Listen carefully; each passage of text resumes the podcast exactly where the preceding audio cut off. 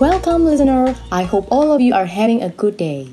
This week, we have news from the UAE, global agriculture sectors, and Indonesia. Firstly, let's hear news from UAE. The Indonesian Embassy in Abu Dhabi organized a diplomatic reception at the Ritz-Carlton Abu Dhabi on 31st October 2023. The diplomatic reception was part of activities commemorating the 78th anniversary of the Republic of Indonesia. Approximately 40 guests attended, including diplomats, government officials, business representatives, and members of the Indonesian society. Ambassador Husin Bagis highlighted the close relationship between Indonesia and the UAE supported by the affinity between heads of state. Ambassador Bagis expressed gratitude to the UAE for supporting various initiatives in Indonesia, such as embassy construction, mosque project, tuberculosis program assistance, and healthcare projects.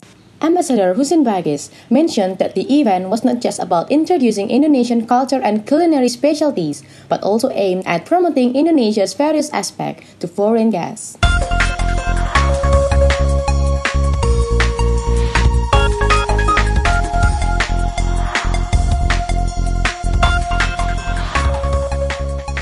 Moving on, we have another news from agriculture sectors.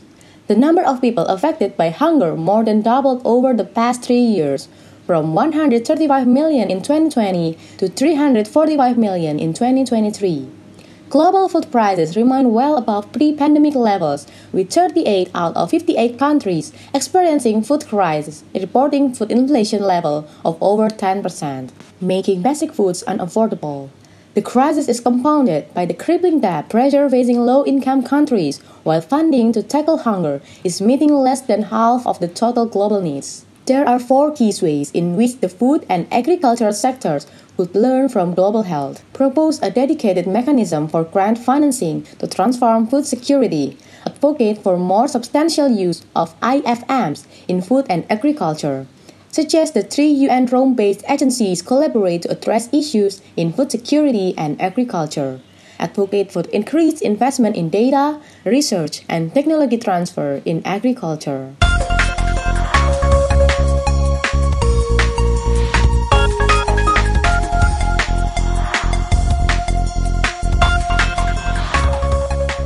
Next, we have news from Indonesia.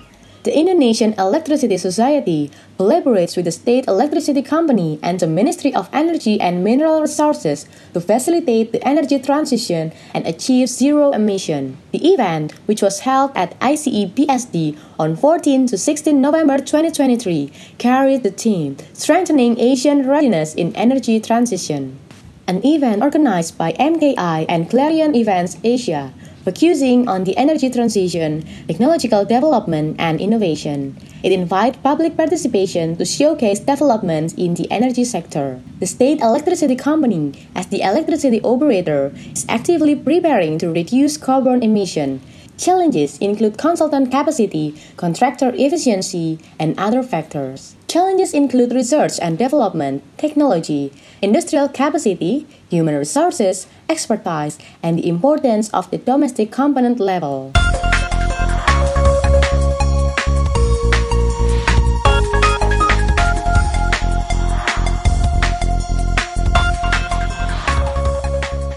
Last, we have a news from Day6 Young K, who will come to Jakarta this year. Young K will be having his first solo concert in Jakarta as part of Sarangeo Indonesia 2023. This concert will be held at Beach City International Stadium, Jakarta, on the 9th of December 2023. Tickets are available in three categories pink, blue, and yellow. Pink category is the most expensive at 2.75 million rupiah, offering a standing area closest to the stage. Blue category is priced at 2.2 million rupiah, and ticket holders will be positioned behind the pink category spectator area. The news from Day6 Young K closes this week's episode. Don't forget to always listen to Focus Asia every week to update your knowledge about what happens in Asia. I'm Calvina. See you on the next episode of Focus Asia, your first window to discover Asia.